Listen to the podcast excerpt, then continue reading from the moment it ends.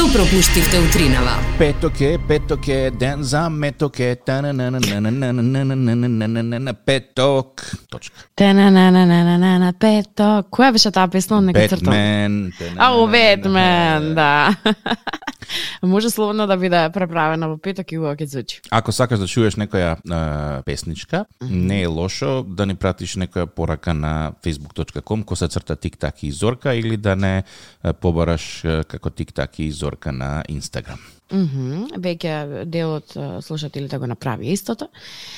Веќе е пренесено таму каде што треба и нели чекаме да ги слушнеме сите оние песни кои што вие ги побаравте се разбира во текот на денот. А ги има такви многу. Временските Ги има, да. прилики е, денеска ќе бидат нешто поинакви од е, тие вчера, да кажеме два степена во моментов.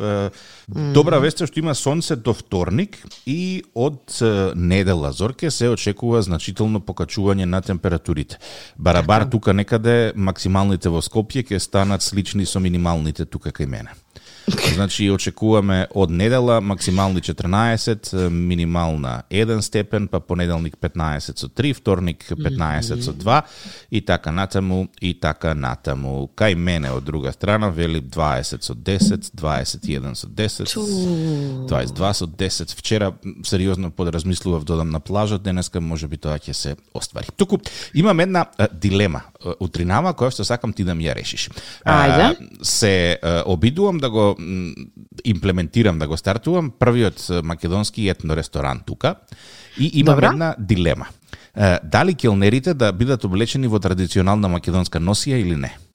У, види, убаво би било, лично би било, да бидат облечени, нели, согласно, ако веќе е етно стилот на ресторанот, согласно со самиот простор. Меѓутоа, од друга страна, самата носија знае да биде многу тешка и непријатна за носење 8 часа во текот на денот и притоа стави си во глава дека истите тие соајнцер нели треба да принесат силно што јадат гостите, што пијат гостите. Така што од практична страна мислам дека не е баш најдобра идеја, ама од страна на тоа колку лично ќе биде би било лично, јас мислам.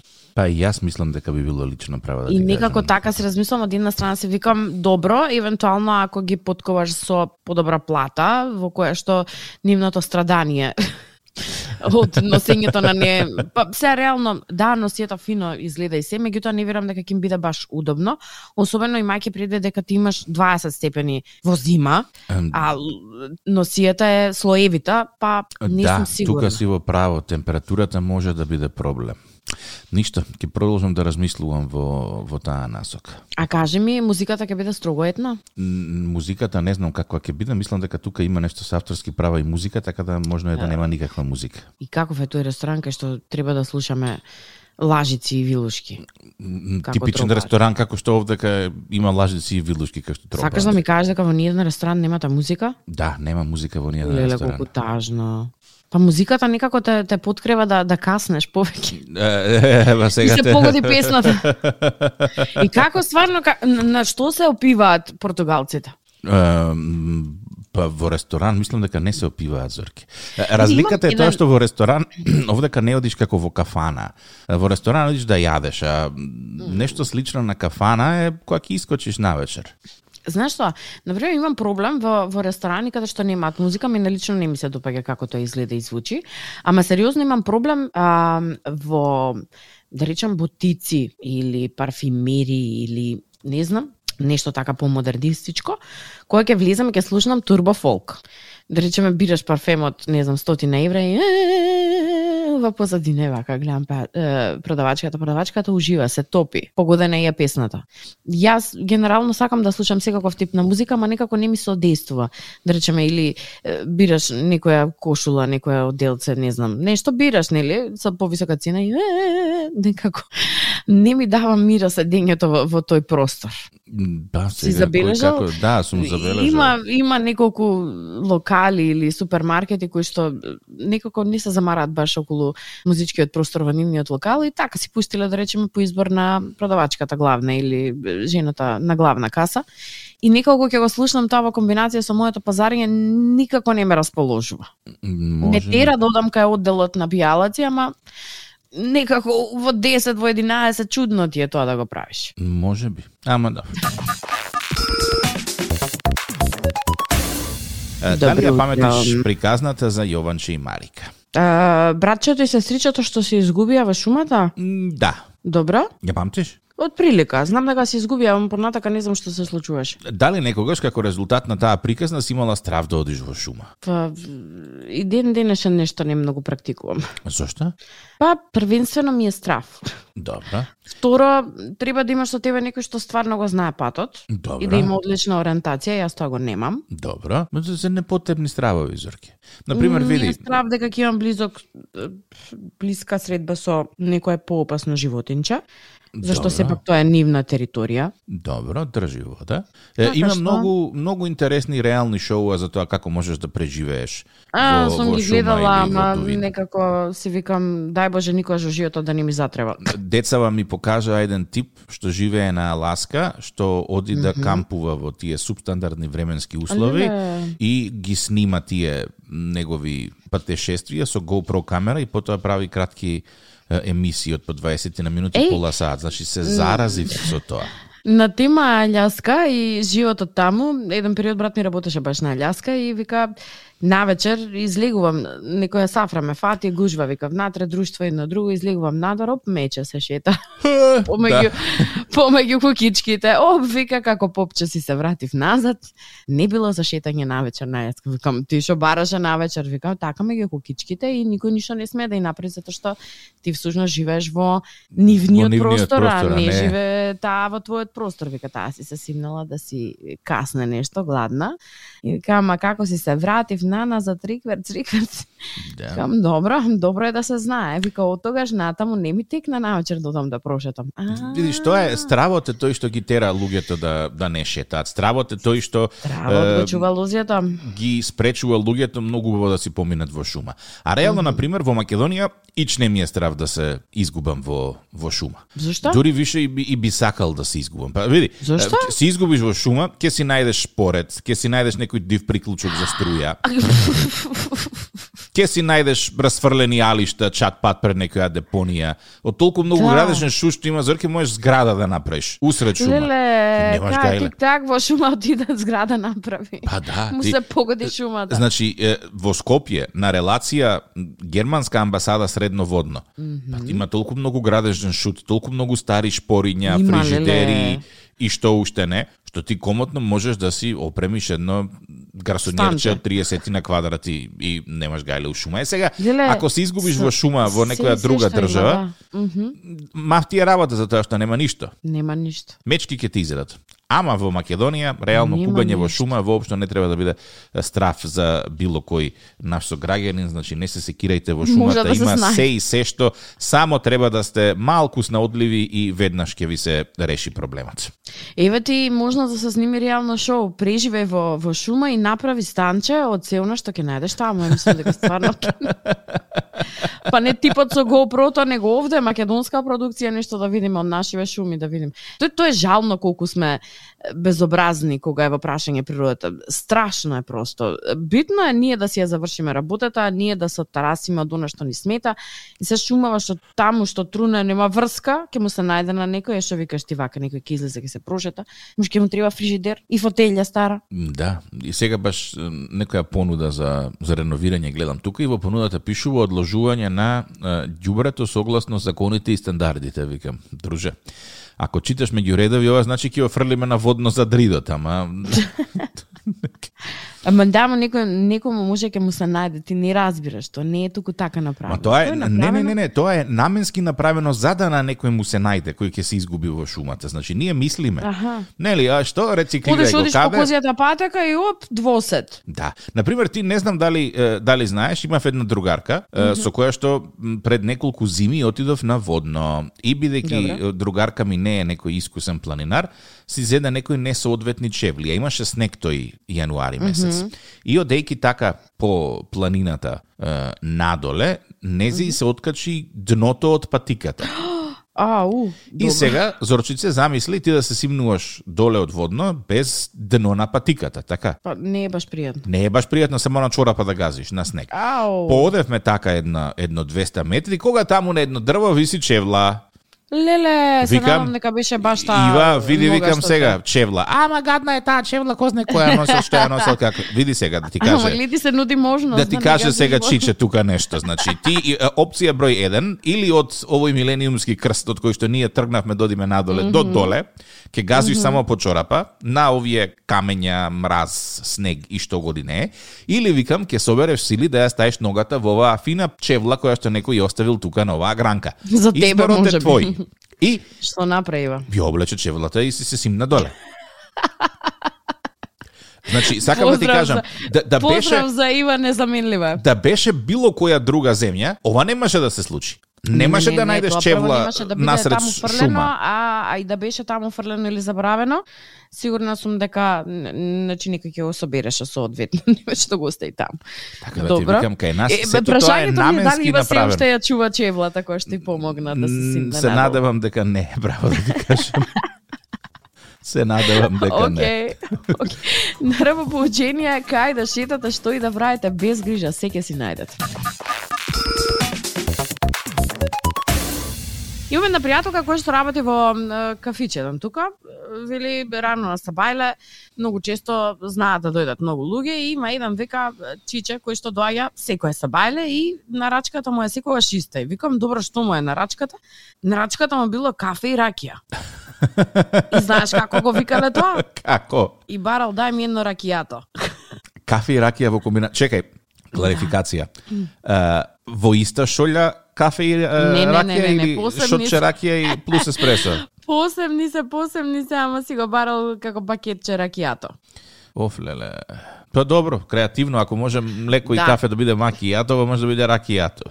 Да, Зошто да, да. да не? Инак-. Инаку многу често, не знам дали знаеш, но, мислам дали знаеш, сигурно си сретнал кај нас, кај нас, не кај мене конкретно дома, него кај нас по куќи, ракија најчесто се чува во пластично шише од, не знам, од Литро и пол. кисела вода, од вода, обично, од не знам ти што. И имаше случка каде што исто така во некоја фирма некој донел шише ракија да стои. И ме мисле, о, водичка, кр, кр, кр, кр, кр во кафематот. Е, тоа било ракијато. Бела ракија. Така? Да, да, да, оние обично како. Ау, вика, мислевме дека е вода, го дотуривме. Охо-хо.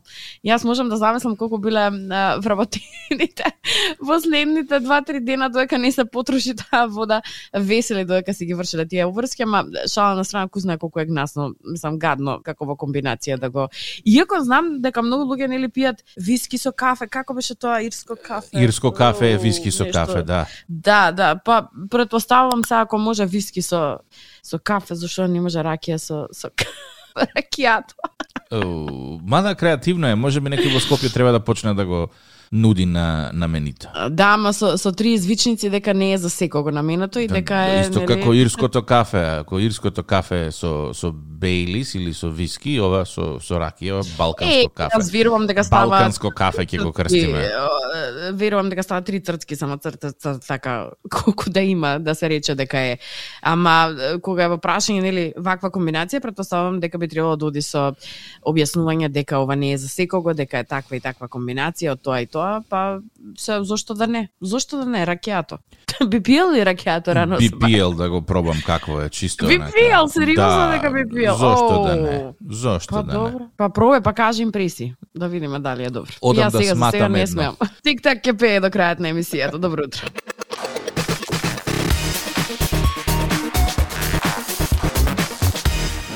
Гледаш ли филмови? Гледам. Од кое говорно подрачје? Од сите, право да ти кажам, во последно време некако многу ми се допаѓаат корејските. Корејските? Да. Не знам, не сум гледала корејски филм. Не си гледала? Не, У, што многу, има? Многу се добри. Акција во главном, криминал, едно, друго, трето, некои морални вредности корејски расправаат. Ајде, Солидно е, солидно е. Не знам, не сум им дала шанса, може би ќе треба да се променам. Ја нешто во последно време што шпански филмови загледав интересна име продукцијата. Тие всушност од, од секогаш имале супер продукции, мајки предвид дека уште многу многу одамна пред турските серии да се појават кај нас, гледавме шпански серии. Да, да. Телевиза да. пресента. Фрр. Е сега, си размислувам пред некој ден, многу филмови позади себе. Значи сум гледала филмови, е, е, од оние тинеџерските, па преку романтични комедии, акции, трилери, хорори, ретко, ама и тоа гледам. И сваќам дека толку многу има да се научи ако земеш во предвид и сите се правени како по еден шаблон. До, а, Знаеш да. што се може да научиме од американските филмови? Што? Кашлањето е знак за смртоноста болест. И овде кашла историја од кашлањето, одиш еден оспен ке ти да ти пријатно, таму се закашлаш или готово на смртна постела си. дадат. Па да, или сам ќе се препишеш. Добро. Детективот може да го реши случајот само ако е суспендиран од должност. И најчесто иако е суспендиран си продолжува да си го решава проблем. Као не ме плаќате вие, ама јас се заинаетив има да го решам ова до крај. Ти си видел некој овде кај нас да е суспендиран или тргнат од, од нешто и да И да рече, продолжи «Ау, да работи? Јас ќе го работам тоа, ама, Ама дечко вие не сте више на оваа позиција. Знаеш што, тоа е намерно направено во американските филмови со цел да ја мотивира личноста да ете биде посветена на, на работата дури и откако ќе биде суспендирана. Значи од мали нозе се Така. се билда тој Бесплатна работна дух. рака. Не, него таа позитивност, посветеност на работата. Кај нас го има Шитер Пео, како да го зафркне насради ноџе. Да, да, да. Друг момент кој што сум го забележала и многу често се појавува. Значи, мажот нема да покаже знаци на болка додека ги прима и најсилните удари, ама ќе се тресе и ќе овка додека некоја жена се обидува да му исчисти раната. и друго нешто, и друго нешто. Е, Трешхолдот за болка е Добра. страшен. Значи толку ќотек јадат во реалноста Да, да, да. што Ништо- у, ништо не име. Така прават, само уп, уп, и овој го мава со сосцета сила, ништо овој, ништо не му е станува, малце носот изместен, крвче тече, нели, чисто како ефект, и толку, а бе со два бокса бе ќе го утепаш човекот, не зафркавај. Знам, Страшно. се согласувам, се Страшно. согласувам. Да, онака, дури да се запрашаш, бре, добро, од што ни е составено лице, мислам, јас ќе се удрам со главата сама, нели, станувајќи или одејќи до нека ќе се удрам, па толкава жмучка ќе ми излезе, овие се утепаат мање, ништо не има. Многу интересна работа. Дополнително Добро? ствараат некоја илузија дека можеш да јадеш ќотек во огромни количини, при тоа да не ти биде Значи не ништо. можеш. Значи не можеш. Не можеш. А, друга работа што сум ја забележала, особено ова во хорор филмовите. Со едно шкорче, доволно ти е за да ја осветлиш целата соба и човече тоа трае, и трае, и трае. И- Што можеш да осветлиш со едно шкорче, кажи ми? Ништо. И друга работа, дека го носиш шкорчевот 10 пати ќе ти се е, изгаси. Овие не, цела соба ја пребаруваат со шкорчето. И одат по ходници долги, брешо, шкорче беше тоа. Па, што шкорче беше тоа? Тврдо, тврдо горечко, споро горечко. Споро не горечко. Да. Друга работа, секоја брава може да се отвори Со шнола. Да, со шнола или со кредитна картичка, освен ако тоа не е врата која што води до зграда каде што е во пламен и во која што се наоѓа заробено дете. И тогаш имаат проблем да ја турнат вратата. Абе, турнија вратата, аманте. Тогаш ништо не ја отвора. Тоа сакаш Тогаш да ништо кажеш не, се. да, да, да, херметички е затворена, а инаку сите врати на светов со кредитна картичка и со шнола може да се отворат. Па, Друга работа. Американец оди во Париз. И нека да се сместува. Не, не, не, и нека да се сместува. Било каде во Париз да се сместиш, а Ефеловата кула може да се види од секој прозорец во Париз. М, Па види, може би и, и може, право да ти кажам. Мгм. Затоа што е висок. Па ја не верувам. Па добро, ама не верувам дека баш така се гледа како на дланка од секаде. А ти кој филми да го гледаш, кој да оди во Париз, од секаде се гледа Ефеловата кула. Е па како инаку ќе знаат дека се во Париз ако не се гледа Ефеловата кула? Ќе пишат Париз доле. Е, да, бе, сега ќе пишат Париз доле, така е тоа. Добро, може би, ама... Да речеме во Скопје што ќе се гледа од прозорецот. Доаѓа американец во Скопје, што ќе се гледа од прозорецот? Александар Другиот Велики. комшија. Не бе комшијата до него. Како се зградички бе на зградни една до друга од прозорец во прозорец можеш само да гледаш. Друга работа. Човек пука, 20 луѓе пукаат врз него. Ој ќе ги убие сите, Сите, никој не го пуга. Да, тоа исто така ствара илузија. Тоа ствара илузија кај феномен? Бе, 20 потенцијални души пукаат на кај тебе, ти пукаш еден во 20, ти сите ги погодуваш, они ништо, грабатинка нема. е, потенцијални е, криминалци настрадале поради тоа. Мислат дека се Да, да. недопирливи од куршумите, меѓутоа не е така. А, моментално споделувам со тебе на а, WhatsApp да видиш Добре. како мажите плачат во филмски сцени, а потоа очекувам да го споделиш со целата наша публика. Добро утро.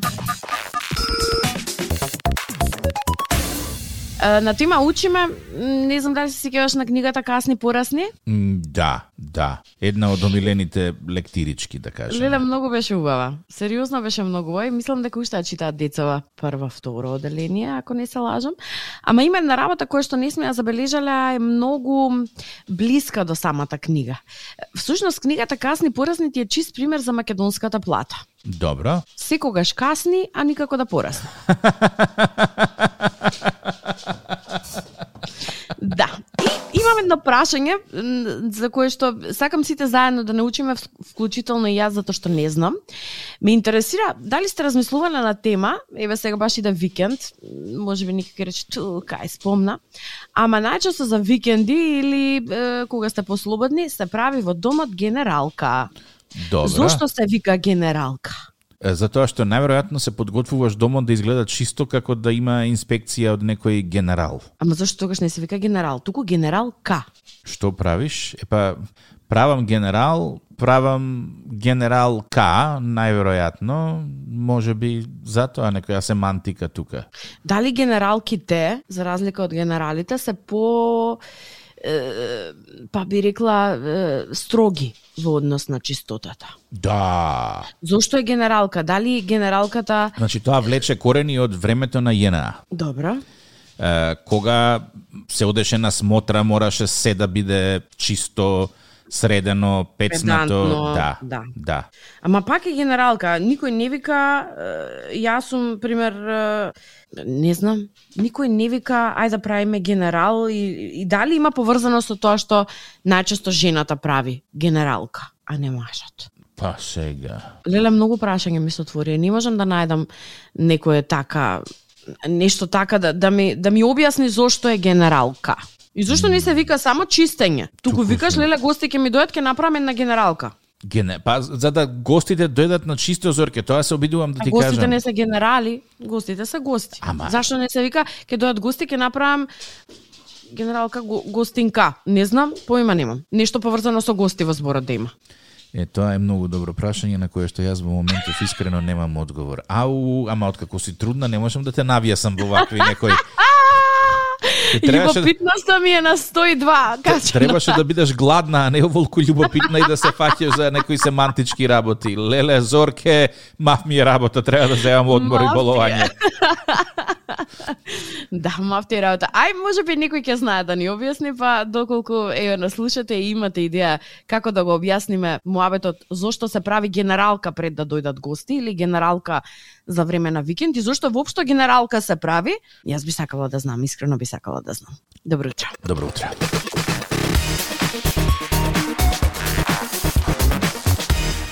Зорке, сакаш да си играме аптекари? Сакам да. А, ти биди аптекарка, може?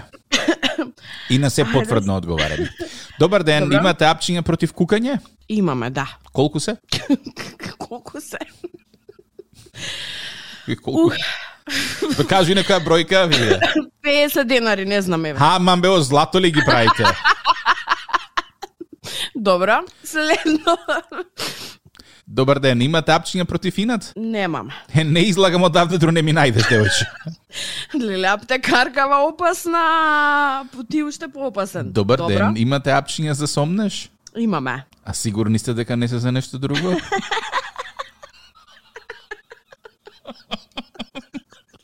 Сомнеш. Добро. Ајде, да видиме што друго ти треба. Добар ден, имате апчиња против безобразна рима? Е, имаме саката. Да го джвакате. Не се добри овие игри. Сакаш уште еден за крај? Не, ја имам едно, едно за крај. Добро. Може, го прашува мечето, дедо Боже, вика, Господе, зошто сум меча? И дедо Боже го гледамо, вика, така ти било плишено. Чао. Крај. На Радио 2, секој работен ден од 7.30. Будење со Тик-так и Зорка. Во случај на неконтролирано смеење и симптоми на позитивно расположение, консултирайте се со вашиот лекар или фармацевт.